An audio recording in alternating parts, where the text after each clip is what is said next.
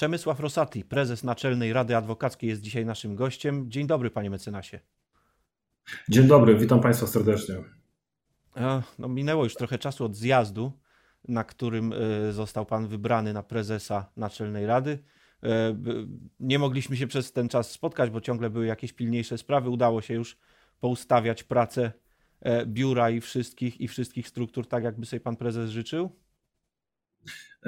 Mogę powiedzieć, że prawie tak. Jesteśmy na dobrej drodze, żeby zamknąć przede wszystkim ten taki etap organizacyjny. To jeszcze chwilę potrwa. To mogę też uczciwie powiedzieć, że nie jesteśmy w momencie, w którym e, w 100% e, mamy poukładane sprawy. To też jest oczywiście pochodną pandemii, która jest, e, która powoduje ograniczenia, która powoli się kończy. Tu przede wszystkim myślę o pracy, takiej typowej pracy Biura Naczelnej Rady Adwokackiej. Natomiast w dużej mierze, jeżeli chodzi o te funkcje i miejsca samorządowe, to w tym zakresie e, podjęliśmy już konkretne decyzje. Jesteśmy teraz tak naprawdę na etapie układania planu pracy Naczelnej Rady Adwokackiej i komisji działających e, przy prezydium i przy Naczelnej Radzie Adwokackiej. To co jeszcze najważniejszego zostało do uregulowania? E, tak naprawdę został moim zdaniem taki trochę można powiedzieć top, top of the top Legal Tech, bo uważam, że to będzie wyzwanie tej kadencji i będę chciał w tym tygodniu e, spróbować e, zakończyć e, układanie zarówno zadań, jak i też od strony osobowej, jeżeli chodzi o tą komisję, ten Instytut Legal Tech, który będziemy chcieli w tej kadencji rozwijać, bo to, to, to będzie po prostu wyzwanie tej kadencji. Nowe technologie, informatyzacja, cyfryzacja. Zresztą to jest wyzwanie nie tylko mojej kadencji, czy, czy kadencji całej adwokatury, ale to jest y, teraz wyzwanie przede wszystkim świata prawniczego i to mówię o szerokim, w szerokim rozumieniu, jeżeli chodzi o wymiar sprawiedliwości, przede wszystkim o wymiar sprawiedliwości, dlatego że to jest też wyzwanie, które powinno przyczynić się do jakościowej zmiany funkcjonowania wymiaru sprawiedliwości w odbiorze społecznym. A jak to zostanie zrobione, no to już w rękach tak naprawdę decydentów. No chyba bardziej ustawodawcy rzeczywiście niż tylko, niż tylko organów korporacyjnych. Ale gdy o tym, gdy o tym mówimy, to pan, panie mecenasie, się na kimś wzoruje? Ma pan, ma pan jakieś punkty odniesienia, do który, względem których próbuje pan, e, no nie sam oczywiście, sformułować, e, no, w ogóle wymyślić formułę funkcjonowania adwokatury, palestry współczesnej? To znaczy, jeżeli mówimy o legal techu, to część, można powiedzieć, że ona część się dzieje. To znaczy, są przede wszystkim oddolne inicjatywy, jest wirtualna katedra prawa, E, są fundacje, e, są też adwokaci i radcowie prawni, którzy intensywnie pracują na e, rzecz rozwoju legal techu w Polsce. Natomiast jeżeli chodzi o aktywność samorządową, to tak naprawdę tej aktywności dotychczas nie było. Ja muszę uczciwie powiedzieć, tego też nie widać na zewnątrz, natomiast prowadzę takie dość intensywne rozmowy z osobami, które zajmują się legal techem na co dzień ścierają się pewne koncepcje, w jaki sposób to powinno wszystko wyglądać. Tutaj myślę, że nie możemy się na pewno zamykać wewnątrz własnego samorządu. Możemy próbować budować e, ośrodek, e, no w domyśle silny ośrodek e, związany z rozwojem legal techu. Natomiast biorąc pod uwagę, że to będą rozwiązania, które będą służyły całemu światu prawniczemu, naprawdę też albo przedeczeństwu, to uważam, że w tym zakresie nie możemy się w żaden sposób e, zamykać tylko i wyłącznie na e, środowisko adwokackie. Powinniśmy na to po prostu spojrzeć szerzej. Na szczegóły musimy chwilę jeszcze poczekać, bo też nie ukrywam, że te rozmowy trwają, e, aczkolwiek mam nadzieję, że czerwiec to będzie ten moment, w którym zostaną podjęte przynajmniej takie kierunkowe decyzje, które w perspektywie kilku miesięcy będą wyznaczały zakres pracy. My też musimy sobie zdać sprawę z prostej rzeczy. Nie nadrobimy zaległości w tym zakresie, mam na myśli, mam na myśli samorząd. Nie nadrobimy dziś, jutro, za dwa tygodnie, e, tylko raczej taka konkretna, e, ciężka, mozolna praca zmierzająca do tego, żeby powoli budować otoczenie normatywne wykorzystania nowych technologii, ale też możliwość wykorzystania e, nowych technologii w prawie. No przede wszystkim tak, żeby nie zabić zarówno pracy prawnika, to już tak bardzo ogólnie mówię, ale przede wszystkim po to, żeby służyć obywatelowi, który jest no, centralnym punktem wymiaru sprawiedliwości.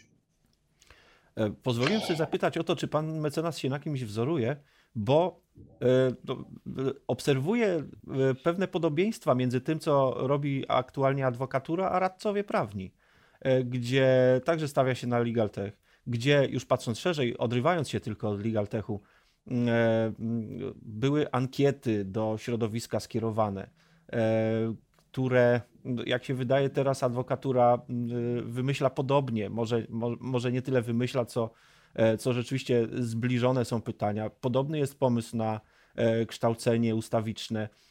Czy to nas prowadzi do jakichś dalej idących wniosków co do istnienia dwóch osobnych struktur, osobnych samorządów prawniczych? Czy trochę za daleko nie. Nie, myślę, że za daleko, aczkolwiek od takiej dyskusji nigdy nie uciekniemy, bo ona co chwilę wraca. Co chwilę wraca. Natomiast y, to, o czym ja od dawna mówię, istnienie dwóch samorządów tak naprawdę y, jest y, zjawiskiem pożądanym, ponieważ wzmaga konkurencyjność pomiędzy tymi samorządami, a siłą rzeczy to się przekłada na zadowolenie członków poszczególnych samorządów. Niezależnie od tego, akurat jeżeli chodzi o LegalTech, e, to ja tutaj widzę wspólną płaszczyznę do współpracy, ale nie tylko myślę o samorządzie radców prawnych. Myślę szerzej, bo to o czym powiedziałem na początku, LegalTech jest wyzwaniem, które stoi przed całym wymiarem sprawiedliwości. Zwłaszcza pandemia przyspieszyła dyskusję, ona nam uświadomiła pewne rzeczy, o których wydawało nam się, że mm, nie będziemy tak szybko dyskutować, aczkolwiek dzisiaj sobie wielu rzeczy już po prostu nie wyobrażamy. Inaczej E, niż e, tak jak przyzwyczaiła nas do tego pandemia, chociażby e, możliwość prowadzenia zdalnych spotkań, czy większą ilość tych zdalnych spotkań. To też nieprawdopodobnie przyspiesza pracę, obniża koszty. I tu powolutku zaczynamy wkraczać w to, co jest takim rzeczywistym legal techem, czyli zaczynamy rozmawiać o pewnej optymalizacji pracy prawnika, o automatyzacji czynności o smart kontraktach, o blockchainie i tak dalej, i tak dalej. Jakby do brzegu czy reasumując, to jest fantastyczna płaszczyzna do współpracy samorządów, ale też szerzej świata prawniczego, bo nie, zap, nie zapominajmy też o sądownictwie, które może dużo zyskać wykorzystując różnego rodzaju technologie. Już o tym rzeczywiście mówiliśmy. Oderwijmy się na trochę od Legal Techu, panie mecenasie, i, i, i, spójrzmy, i spójrzmy szerzej na e, zagadnienia dotyczące, dotyczące samorządów prawniczych, bo Podejrzewam, że starsi członkowie tych samorządów nie będą zachwyceni słysząc o optymalizacji kosztów, blockchainach, e, smart kontraktach i tak dalej. Raczej wolą tradycyjną robotę. E, I czy w ten sposób nie odpłyną od e, tych samorządów? Nie, nie, dlatego że to jest. Ja powiem inaczej. Zastanawiałem się już bardzo dawno, jak należy podejść do tego, żeby pogodzić E, sposób funkcjonowania różnych pokoleń w adwokaturze. I musimy mieć e, świadomość jednej bardzo ważnej rzeczy. Nic, żadna nowa technologia, żadna sztuczna inteligencja nie zastąpi bezpośredniego kontaktu prawnika z klientem. Poufnej rozmowy, e, omówienia taktyki procesowej, czy jakichkolwiek innych czynności, które składają się na to, E, czego od nas również oczekują e, klienci. Więc ja nie sądzę, i to mówię z dużą odpowiedzialnością za słowo, nie sądzę, żeby w perspektywie wielu lat, które są przed nami, e, doszło do takiej sytuacji, że sztuczna, sztuczna inteligencja czy nowe technologie na tyle zdominują działalność adwokatów czy radców prawnych, że ktokolwiek będzie gdzieś próbował odpłynąć, czy będziemy zmierzali w stronę, która może zabijać taką typową pracę prawniczą. Absolutnie nie. To jest tylko wsparcie wykonywania zawodu. Wróćmy w takim razie do e, człowieka jako centralnego punktu wymiaru sprawiedliwości, a więc również adwokatury, która e, no, w obronie praworządności występowała już nie raz. Teraz, jak słyszymy, Naczelna Rada Adwokacka przystępuje do postępowań przed Izbą Dyscyplinarną.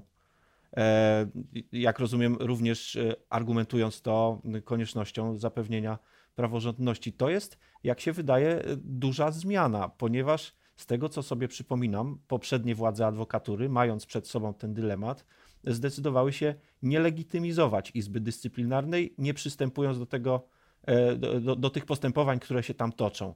E, państwo zmienili zdanie. Dlaczego? To znaczy, trudno powiedzieć, czy zmieniliśmy zdanie. Na pewno nie legitymizujemy działalności Izby Dyscyplinarnej. My jasno artykułujemy w dalszym ciągu te same argumenty, które wynikają z orzecznictwa. W tym zakresie się nic nie zmieniło. Natomiast e, proszę pamiętać, że te postępowania, o które Pan pyta, no to powiedzmy sobie wprost, e, sprawa przede wszystkim dotyczy Pana sędziego Wróbla e, czy Pana sędziego Tulei. No to są postępowania, które moim zdaniem wymagają interwencji adwokatury. W pierwszym przypadku mam na myśli pana sędziego Wróbla. Mówimy o profesorze prawa, niekwestionowanym autorytecie prawniczym. Mówimy także o osobie, która jest sędzią Sądu Najwyższego.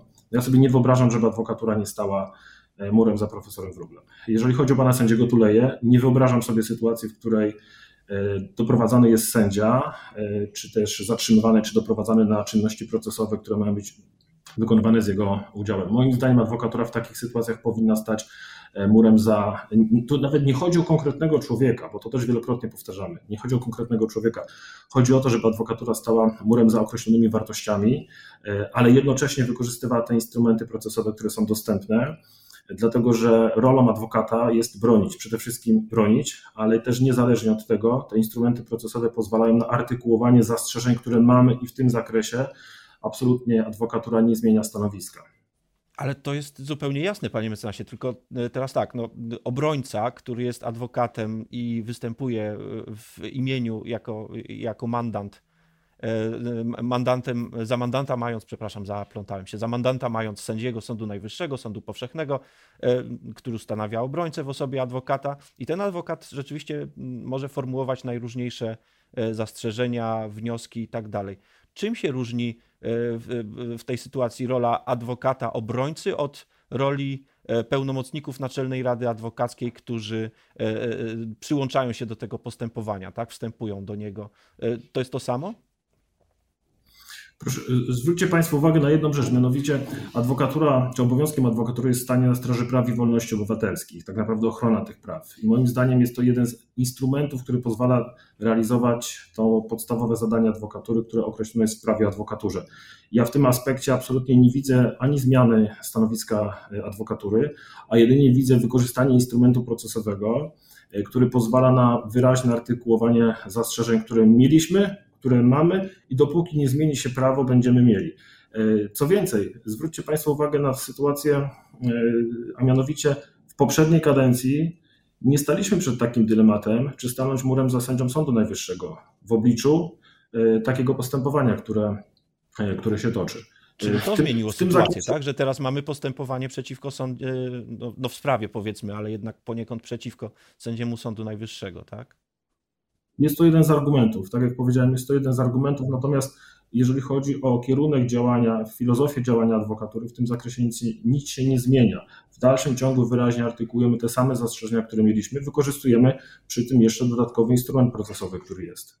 A czy panie prezesie, e, w takim razie adwokatura wykonuje e, decyzję Izby Dyscyplinarnej która na przykład y, postanawia wydalić, y, znaczy od, od, y, wydalić adwokata z zawodu, tak, po prawomocnym rozstrzygnięciu korporacyjnych sądów?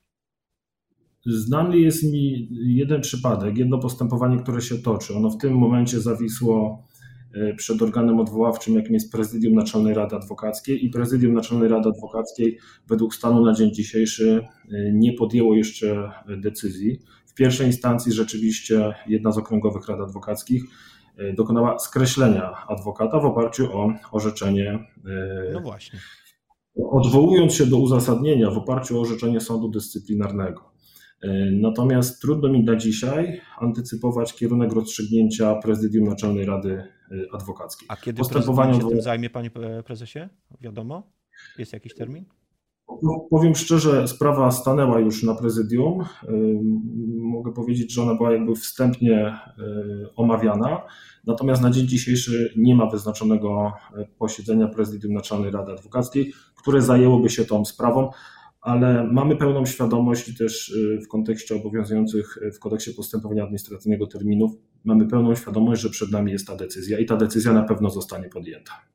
A czy fakt, że Naczelna Rada Adwokacka przyłączyła się do postępowania przed Izbą Dyscyplinarną, jakkolwiek e, może wpływać na te decyzje? W sensie, że no, skoro tutaj się przyłączacie, to może i w tę stronę będziecie Państwo honorować rozstrzygnięcia Izby Dyscyplinarnej. Nie, nie. Ja myślę, że nie. To są zupełnie dwa odrębne e, fakty. Z jednej strony mamy postępowanie odwoławcze związane ze skreśleniem adwokata z listy w następstwie. Tutaj cytuję za uzasadnieniem uchwały Okręgowej Rady Adwokackiej w następstwie wykonania wyroku sądu dyscyplinarnego, co nie oznacza, że wykonania orzeczenia Izby Dyscyplinarnej Sądu Najwyższego, bo ja tak przynajmniej rozumiem intencję uzasadnienia tej uchwały. Natomiast czymś innym zupełnie jest to, że bierzemy, że bierzemy w obronę sędziego Sądu Najwyższego z tego bardzo prostego powodu, że tak jak już powiedziałem na początku, korzystamy z instrumentu procesowego, który jest. To się w żaden sposób nie łączy z tym, że szanujemy w rozumieniu, mm, będziemy e, wykonywać wyroki Izby Dyscyplinarnej.